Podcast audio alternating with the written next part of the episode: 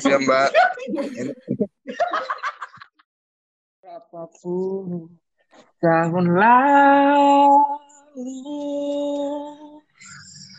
Beta masih kecile oh, oh. Beta ingat tempo itu Sio gendong-gendong Gendong beta eh. Sambil mama bakar sagu Mama menyanyi Buju-buju. Lah sampai besar begini Beta terlupa mama eh Sio mama. Beta rindu mau pulangi Sio mama. Eh, Beta solia kurus lawan Beta belum balas mama. Mama pun capek. Shodolo Sio tete manise. Jaga beta mama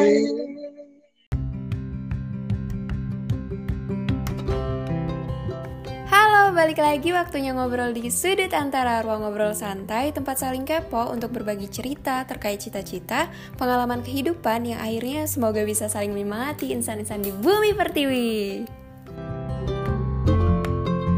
ini aku anak hari ini kita bakal rame-rame ke podcast karena kita nggak cuma berdua atau bertiga tapi ada berapa nak? Berlima.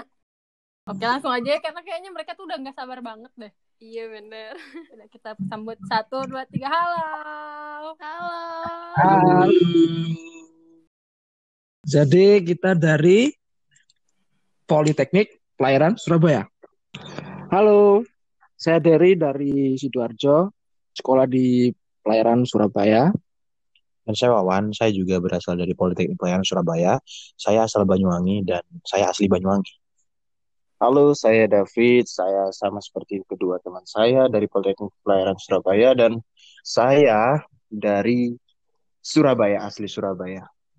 Wah teman-teman, jadi sekarang kita punya banyak temen ngobrol nih, ada tiga orang dari Politeknik Pelayaran Surabaya. Oke teman-teman, sebelum lanjut ke pertanyaan yang lebih spesifik, jadi paling kayak kenalin lagi aja kenapa kita bisa tahu teman-teman ini. Jadi dari Wawan dan David itu kebetulan teman saya, temen anak di satu courses di Pare.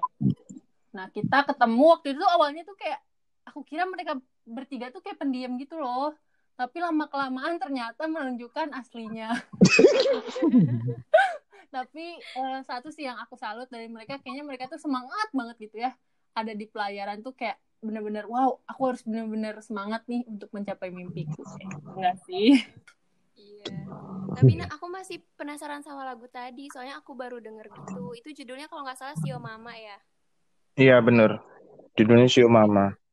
boleh singkat gak dijelasin kayak makna lagunya kenapa kalian eh, suka nyanyi lagu itu Iya, jadi sebenarnya Sio Mama itu ditujukan untuk eh, mama kita atau ibu kita yang sudah besarin kita dari lahir, sudah berjuang keras. Jadi tercipta lagu itu karena kita respect sama orang tua kita, kita mau nyanyiin lagu itu di sudut antara ini. Wah, keren banget ya. Nyinggung soal tadi kan kayak selalu ingat orang tua, ingat ibu. Kalian udah pernah ini kan nyobain kayak berlayar gitu selama kuliah? Pasti dong. Iya. Pasti kan? Nah, pernah nggak sih ada momen kayak tiba-tiba pengen nyanyi itu atau lagi inget orang tua nih di jalan? banyak momen banyak momen kayak gitu sih kak sebenarnya tiap hari kita juga sebenarnya kangen sama teman-teman kita eh, orang tua kita khususnya kita kan di laut di satu di satu sisi kita itu ya kita di, di satu sisi harus belajar di satu sisi lain kita juga harus berjauhan dengan orang tua itu rasanya sakit sekali karena itu nggak biasa dalam hidup kita untuk pertama kalinya tapi setelah kita mendalami apa sebenarnya tujuan hidup kita, bagaimana sih caranya menggapainya. Jadi kita bisa belajar dari situ dan pelan-pelan kita bisa mengurangi rasa sakit itu dan ya kita beradaptasi. Oh, keren-keren. Oke nih, sekarang kita mau masuk ke pertanyaan intinya ya, Din ya. Uh, boleh, boleh. Terkait mimpi, cita-cita, dan harapan kalian dalam proses yang sekarang lagi dijalani nih pendidikan yang kalian ambil sekarang tuh sesuai nggak sih sama mimpi dan tujuan-tujuan besar kalian di masa yang akan datang? Ya, terima kasih Mbak Ana. Ini ya pertanyaan yang menarik. Ya, pasti saya memilih Politeknik Pelayaran Surabaya itu karena pertama saya memang cita-cita saya menjadi pelaut, terutama ingin seperti bapak saya, tapi cuma beda jurusan aja. Kita datang dari banyak latar belakang keluarga ada yang susah ada yang sanggup apa berkecukupan ada yang ingin sekolah sini itu untuk melanjutkan nasib orang tuanya yang baik ada yang ingin merubah nasib orang tuanya yang buruk. Itu banyak sekali kayak gitu. Dan kita benar-benar masuk pelayaran murni. Kalau kita tiga orang ini murni keinginan kita sendiri. Dan kita ini punya cita-cita besar jadi mbak. Gini loh kita punya cita-cita besar untuk membahagiakan orang tua.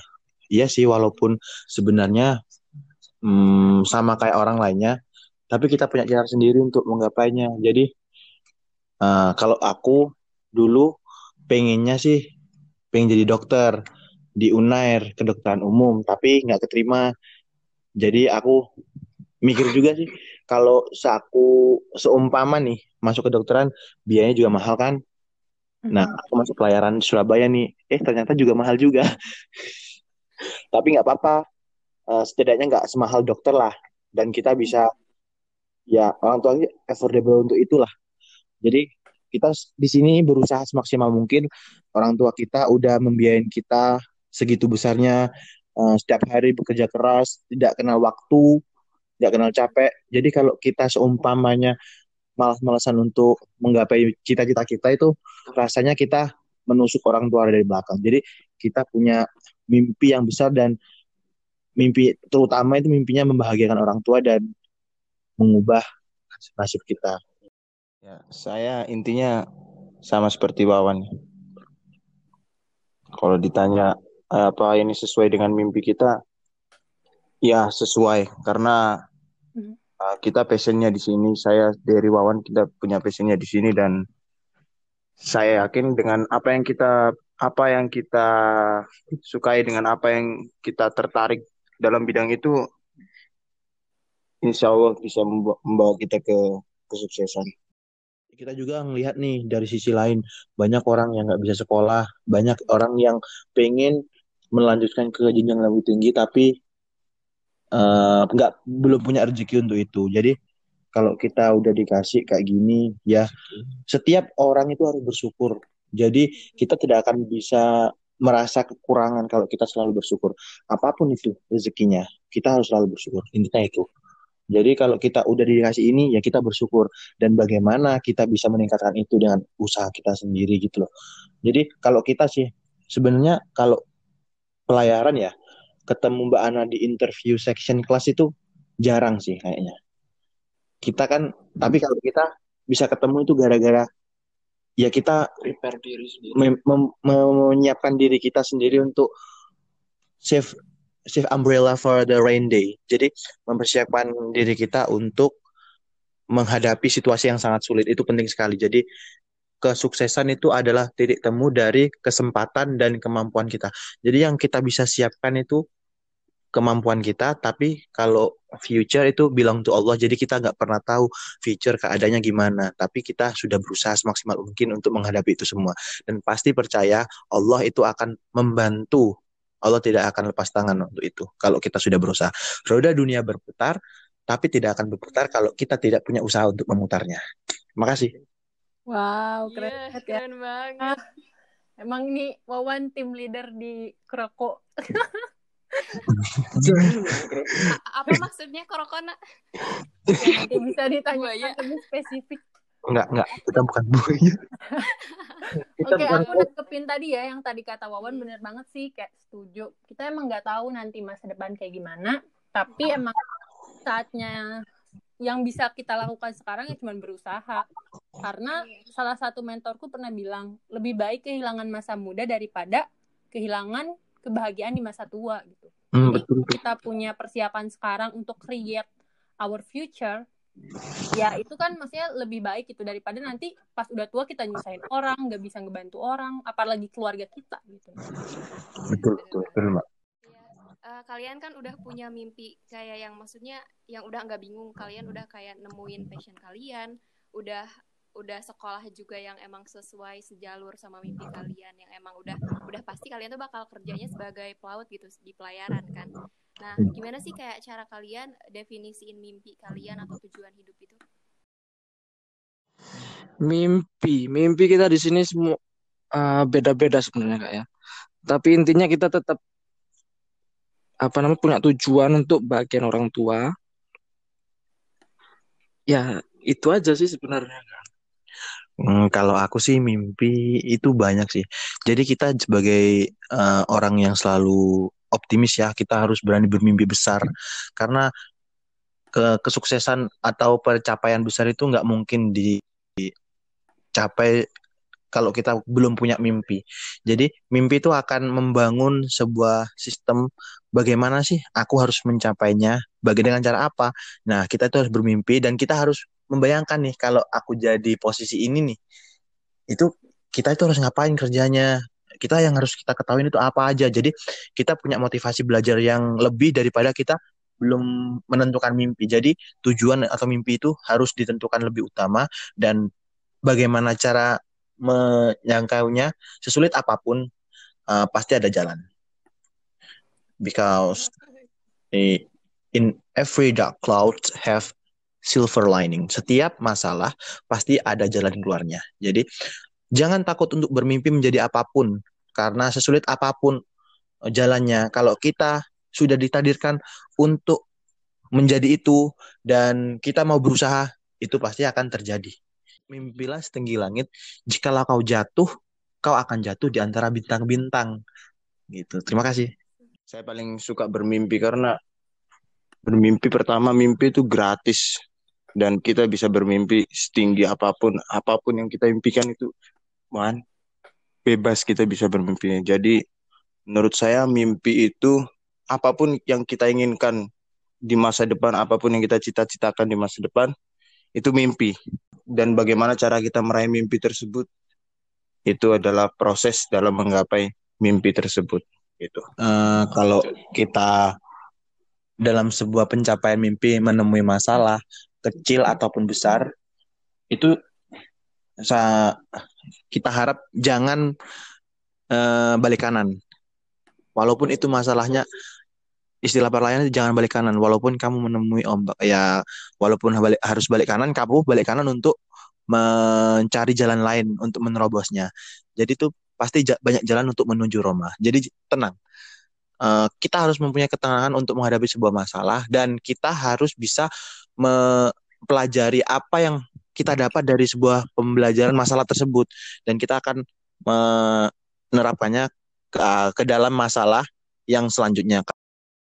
Kalau kita menemui sebuah masalah, bagaimana cara menanggapinya untuk me resolve problem in the next session. Jadi gitu. Jadi yang intinya nih dapat pembelajaran aja dari setiap mimpi kita. Orang yang sukses adalah orang yang mau belajar di setiap harinya. Belajar tidak ada batasannya. Jadi setiap kita bisa belajar tentang education kita, kita bisa belajar tentang uh, improve ourselves di soft skill kita. apa pun kita bisa belajar dengan orang. Jadi don't judge book from the cover. Jadi jangan melihat orang dari covernya, tapi lihatlah apa yang bisa dipetik dari orang tersebut. Walaupun orang itu uh, almost jelek, maksudnya bukan jelek dari fisiknya, tapi dari kelakuannya. Tapi kita pasti ada yang baik, pasti itu ada yang baik. Nah kita contoh yang baik-baik aja gitu aja. Tadi bener sih, kayak kita nggak bisa gitu loh nge-stat atau ngejudge orang tuh nggak punya kebaikan karena yang aku rasain itu selama hidup ini ternyata semua orang tuh ada sisi yang bisa kita pelajarinya baik. iya kayak even kalau misalkan mungkin ada yang berpikiran kayak ah belajar mah berarti di kelas aja atau enggak di organisasi aja padahal enggak gitu ketika contoh kecil waktu naik sepeda terus lihat di pinggir tuh ada ibu-ibu yang uh, nopang kayu di punggungnya banyak banget tuh. Itu tuh hmm. kalau menurut aku adalah pembelajaran karena ternyata perjuangan ibu untuk anaknya tuh bisa sampai kayak gitu walaupun udah tua. Bener, Dan, bener. Iya banyak banget gitu yang bisa kita pelajarin dari hal-hal kecil dan itulah yang kalau misalkan kita latih perasaan itu tuh yang bakal ngebuat apa daya juang kita tuh lebih tinggi gitu loh dalam mencapai suatu hal. Mm -hmm. Dan juga tambahan sih mbak itu aku di dalam hidupku uh, jangan menyepelekan hal-hal kecil. Contohnya kalau kita dari hal dalam membersihkan rumah aja, nyapu.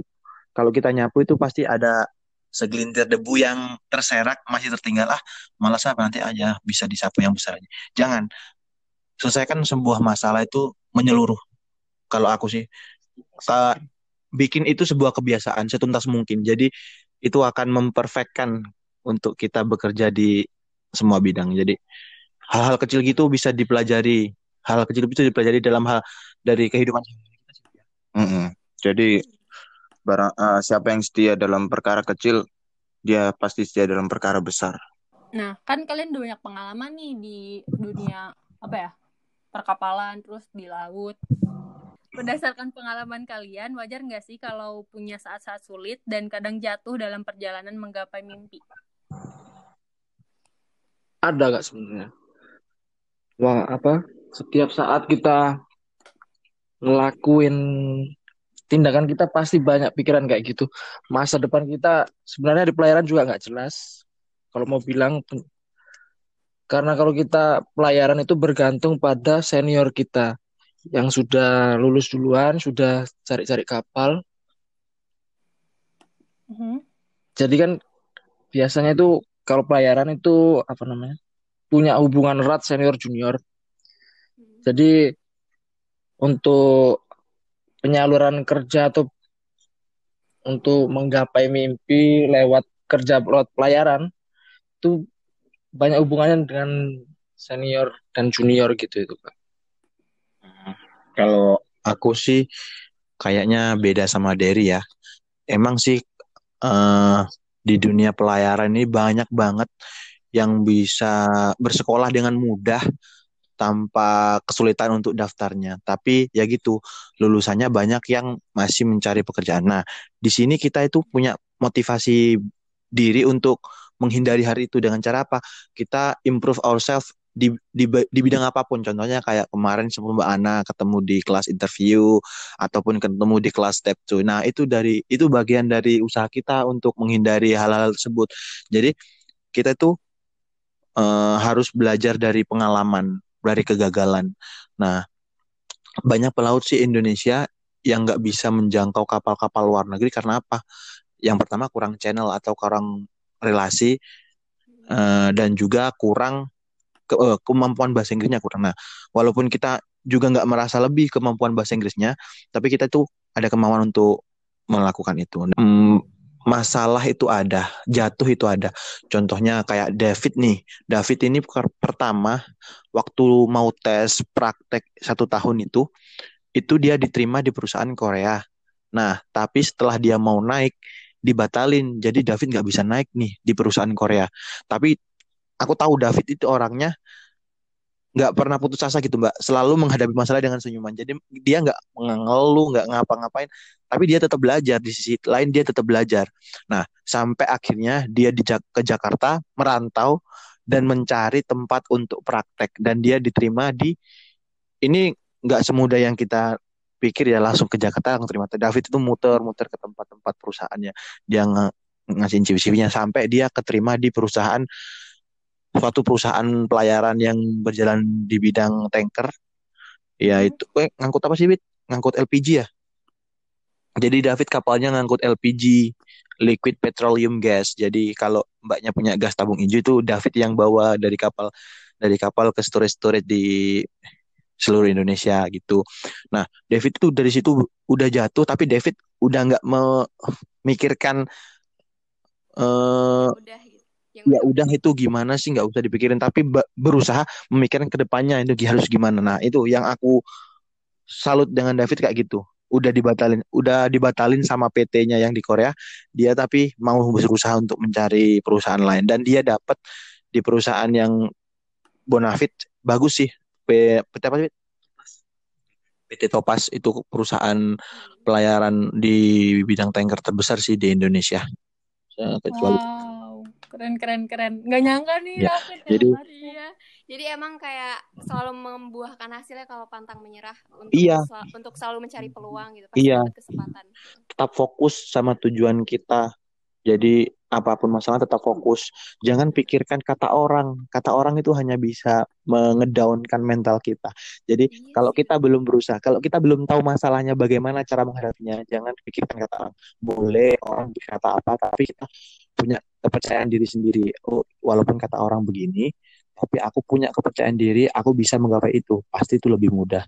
Kalau kata orang itu pasti sulit deh. Tapi kalau kita percaya langsung seperti itu, itu pun sudah mensugesti diri kita untuk tidak akan berhasil dalam hal itu, untuk mencapai itu.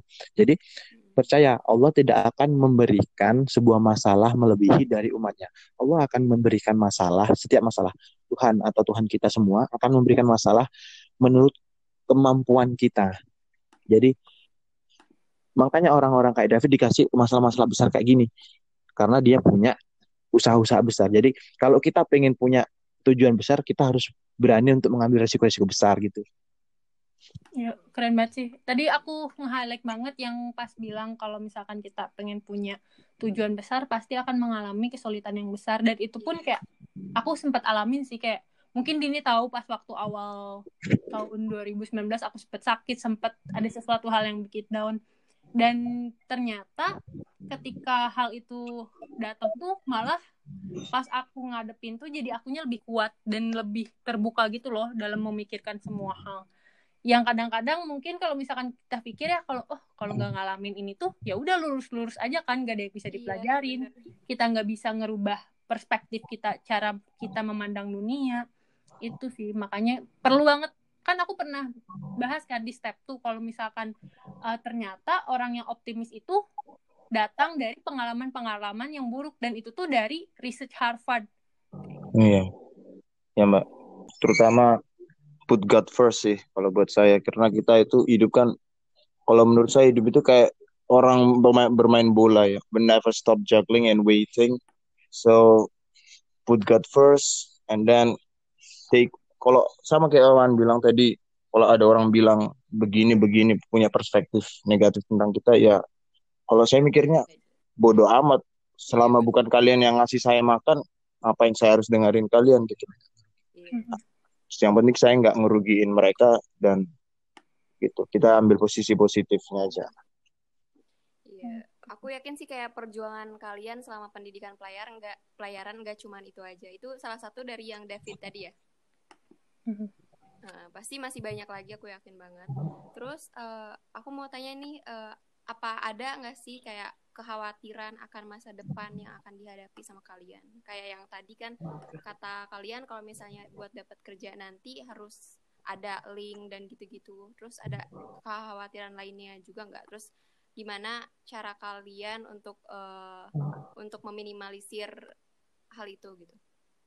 Oke, terima kasih. Kalau kekhawatiran uh, pasti ada ya, karena terutama untuk di dunia maritim itu untuk saat ini banyak orang ya overload ya, banyak banyak pekerja yang pengangguran atau belum dapat kapal karena itu tadi kita lulusannya banyak, tetapi kapalnya yang disediakan nggak sesuai sama lulusannya. Jadi ses ya berbanding terbalik. Jadi cara kita menghadapinya meminimalisir itu semua. Pertama increase our knowledge. Itu itu pasti. Jadi kenapa saya sama Wawan sama Derry ikut bisa gabung sama hmm, Mbak Ana ini orang hebat ini. Ya karena itu tadi kita mau persiapan kita mau nambah apa yang apa yang kita punya gitu loh. Jadi setiap ketika orang tidur ketika orang masih tidur atau bangun siang kita bisa bangun duluan kita ibaratnya kita ngasih CV duluan daripada dia gitu. Mau diterima mau enggak itu urusan nanti. Yang penting kita udah gerak duluan udah punya nilai plus gitu. Uh, kalau dari aku sih uh, punya kekhawatiran itu penting aware terhadap kehidupan kita. Karena itu adalah kunci sebuah kesuksesan. Kalau orang sudah aware berarti orang itu mau berusaha untuk mengurangi masalah-masalah tersebut jadi gitu harus aware. Jadi oh ini aku akan menghadapi ini. Uh, warningnya apa nih? Kalau aku nggak bisa ngerjain ini aku apa bisa lanjut nggak ya? Jadi kita harus tahu nih dari karena ini jadi ini karena ini jadi ini. Jadi kita harus belajar belajar gitu juga sih. Bukan belajar tapi kita harus menerapkan pada diri kita. Kita harus aware. Jadi kita nggak boleh apatis sama kehidupan kita sendiri. Jadi kalau aku harus kalau aku pengen jadi jadi semuanya jadi kapten nih. Jadi kapten kan butuh proses yang sangat amat panjang. Harus sekolah lagi harus. Nah dalam bisa sekolah itu gimana sih aku bisa meminimalisir atau mempercepat? Nah jadi dari situ juga kita udah punya senjata duluan nih untuk menuju punya sepeda sepeda tujuan daripada teman-teman yang masih oh alah masih lama. Oh alah masih lama tesnya. Oh alah masih lama. Itu uh, kalau bisa diminimalisir. Jadi kita harus mempersiapkan diri sebaik mungkin. Dan kalau kalau tanya di dari jadi kan praktek di kapal kontainer yang notabene pekerjaan pekerjaannya itu uh, lebih sulit ya Fit ya? Lebih sulit dari kapal dari kayak kapal kita yang di kapal tanker. Kalau kapal kontainer kan kita bongkar muat muatan itu pakai tenaga ya semuanya mindain in bukan pakai tenaga manusia mengangkat kontainer tapi cuma ngelasing itu kan pakai tenaga dan dari itu gue salut banget karena dari itu nggak pernah ngeluh. Aduh capek nih setiap hari ngelasing nggak pernah ngeluh. Jadi ya cuma cerita oh di sini enak di sini enak. Itu jadi aku herannya sama dari nggak pernah cerita yang sulit-sulit sih tapi kalau ditanyain beneran dia mau cerita. Tapi uh, overall dari itu nggak pernah cerita hal-hal yang menyulitkan dia. Dia selalu ceria. Makanya kita bertiga itu senang berteman karena kita itu punya misi yang sama dan kita itu nggak membuat sebuah masalah sebagai beban hidup kita. Jadi itu kita enjoy aja menghadapi masalah karena iya hidup itu hidup itu adalah masalah. Hidup itu juga ada masalah loh. oh, jadi bagaimana kita menyikapi semua masalah itu dengan baik dan benar. Yang penting itu itu. Ya, ke mantap mantap. Udah berarti ya yang dari ya?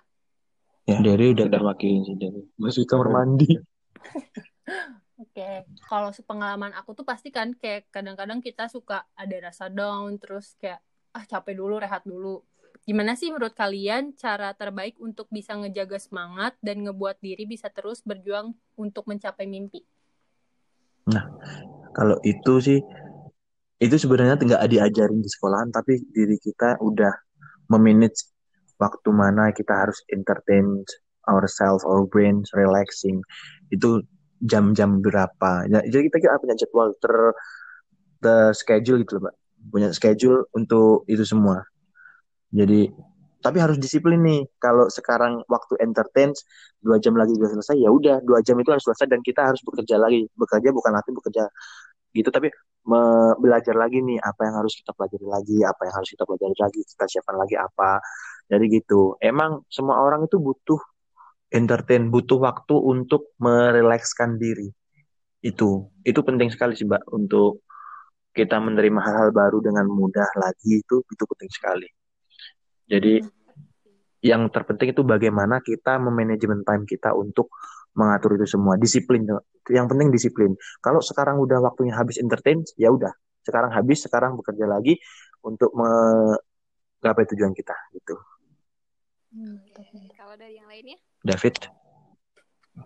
Ya, uh, sama seperti Wawan tadi juga saya menambahkan uh, tadi kan pertanyaannya kalau kita bagaimana cara jaga semangat gitu ya. Hmm. kalau jaga semangat menurut saya sama ya seperti saya Wawan sama Derry nih ketika contohnya ketika waktu saya layar sama kan itu beda-beda ya sendiri-sendiri itu jadi kalau ada sinyal atau kesempatan kita turun ke darat kita telepon bareng-bareng ceritain gimana sih gimana sih gimana sih jadi saling menguatkan gitu loh dan menurut saya itu salah satu contoh di mana mereka menjadi support system buat saya, terutama ketika nggak ketemu orang tua selama setahun itu kan. Jadi mereka inilah yang jadi semangat buat saya untuk tetap menjaga semangat saya. Karena uh, karena sama mereka ini isinya ngakak aja. Jadi ya kayak gini nih buat podcast aja. Kita bisa ngakak-ngakak sendiri. Kalau nggak tahu jawabannya kita pasti ngakak sendiri. Jangan jangan anggap kita diem itu kita diem lah. Tapi kita itu ngakak sambil ditahan. Terus yang kita ceritain sama orang tua kita pasti kalau selama kita belayar itu yang pasti yang baik-baik. aja iya. nggak mungkin kita ceritain yang jelek-jelek aja. Karena kita udah kita udah sharing satu sama lain. Oh kalau orang kita diceritain masalah-masalah kita itu pasti Pikiran. mereka udah kepikiran. Mereka udah bekerja susah payah di rumah untuk nyari kita uang untuk sekolah. Kok kita mau ngasih yang gitu-gitu? Setidaknya kita nggak bisa ngasih materi kita bisa ngasih ketenangan batin untuk mereka dan membahagiakan mereka gitu. Sebelum kita memberikan hal-hal yang besar amin. Amin. tujuannya. Amin. Mantap mantap. Ya sih benar kayak um, kadang yang orang tua kita perlukan itu bukan materi apalagi di umur kita sekarang. Kalau menurut aku sih kayak papaku umiku juga kayak denger aku wah menang di sini. Wah seneng gitu. Seneng itu kayak sampai dibilang-bilangin ke banyak orang dan itu kayak kadang-kadang ya ampun sampai segitunya gitu ya. Padahal yeah. apa yang orang tua kita udah kasih tuh kayak ah paling juga se apa ya segede cuman gitu ya daripada apa yang kita hasilkan buat mereka. Hmm. Iya, itu bener banget. Terus pas aku kan aku praktek di Pertamina ini uh, juga dapat uang saku nih. Aku itu pengen ngasihkan uang saku pertamaku sama ibu, Mbak. Ternyata sama ibu nggak mau nerima pertamanya, tapi aku paksa akhirnya mau nerima. Dan itu pun setelah aku pulang ke rumah, ternyata saya tahu ibu itu masih nyimpan uangnya. Dan itu uh, bikin aku na gimana ya? Bikin aku nangis bukan nangis artinya tapi di hati tuh oh ibu ini perjuangannya segini banget sih. Orang aku pengen cuma ngasih gaji pertama aku untuk bagian tadi tapi dia nggak mau nerima. Dia aku udah dapat uang saku aja dia udah seneng dia nggak mau nerima. Maksudnya dia tuh nggak orang tua kita tuh hebat loh. Uh, kalau kita dapat uang ataupun kita ingin ngasihkan mereka kita tuh mesti mikir mereka itu mesti mikirin kita duluan. Jadi aduh anakku ini kerja susah udah dapat kayak gini masa aku pakai gitu. Aku aku eh, terenyuhnya pas dia masih nyimpan uang itu. Ini uangnya masih ibu simpan padahal kan aku udah nyuruh ibu make untuk apa buat beli apa tapi ya itulah namanya orang tua kita selalu mementingkan anak. Dan jadi pesannya nih sama semua orang jangan lupakan perjuangan orang tua kita. Karena itu besar banget nggak bisa diukur sama materi yang kita kasih selama ini. Itu nggak bisa. Tapi tetap bahagiakanlah mereka jangan pernah buat mereka hmm, apa namanya disappoint yang kecewa kecewa ya. Nah, bener banget. Aku kayak jadi inget gitu loh. Kalau aku sih punya ceritanya karena apa ya kayak kecil gitu loh. Kayak ulang tahun umiku, papaku aku pakai gaji dari asdos kan kayak ya cuma segitu gitu tapi kayak dibilang-bilang dan yang terakhir banget kayak aku bilang kayak ini tuh karena sebelum aku kerja jadi asdo masih jadi asisten dosen yang sekarang ya asisten dosen yang dulu kayak bilang kayak uh, pengen beliin kain buat bikin jas papaku sama umiku kan buat baju. Karena awalnya mikir bakal wisuda gitu wisuda langsung. Terus ya itu tuh sampai diceritain ke orang-orang padahal aduh aku nggak enaknya tuh kayak padahal cuma segitu-gitu loh daripada apa yang perjuangan orang tua aku kasih.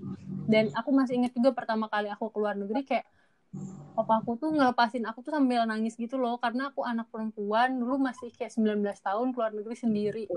Ya sampai yang dipeluknya tuh bener-bener kayak ya ampun aduh aku harus harus bisa ngasih yang lebih lagi nih maksudnya di kemudian hari. Karena ya bener tadi kayak perjuangan orang tua tuh nggak akan pernah keganti gitu, sama apa pun Iya benar. Bagus banget itu mbak ceritanya. Jadi ingat orang tua nih. Orang tua kita nggak bisa datang waktu wisuda. Iya. Hmm. Kita besok. Kalian besok ya? Iya kita besok wisuda. Orang Iya, tua tapi kita. nggak apa-apa kan video call ya sekarang Iya. Iya. nggak apa-apa. Bisa juga bisa dilihat di YouTube Mbak Ana Iya. sama ini Mbak Nah, Dina. aku ucapin, ucapin. Oh iya. Penting doa. Iya loh. Sih. Aku duduk di depan banget loh. Wah, kirim aja kirim linknya ntar aku lihat. Iya. iya nanti kita nonton. Mantap, mantap. Udah ini, ini berarti itu tuh wisuda itu bu- bukan arti kita udah berhasil, tapi itu gerbang awal untuk perjalanan ma- panjang kita.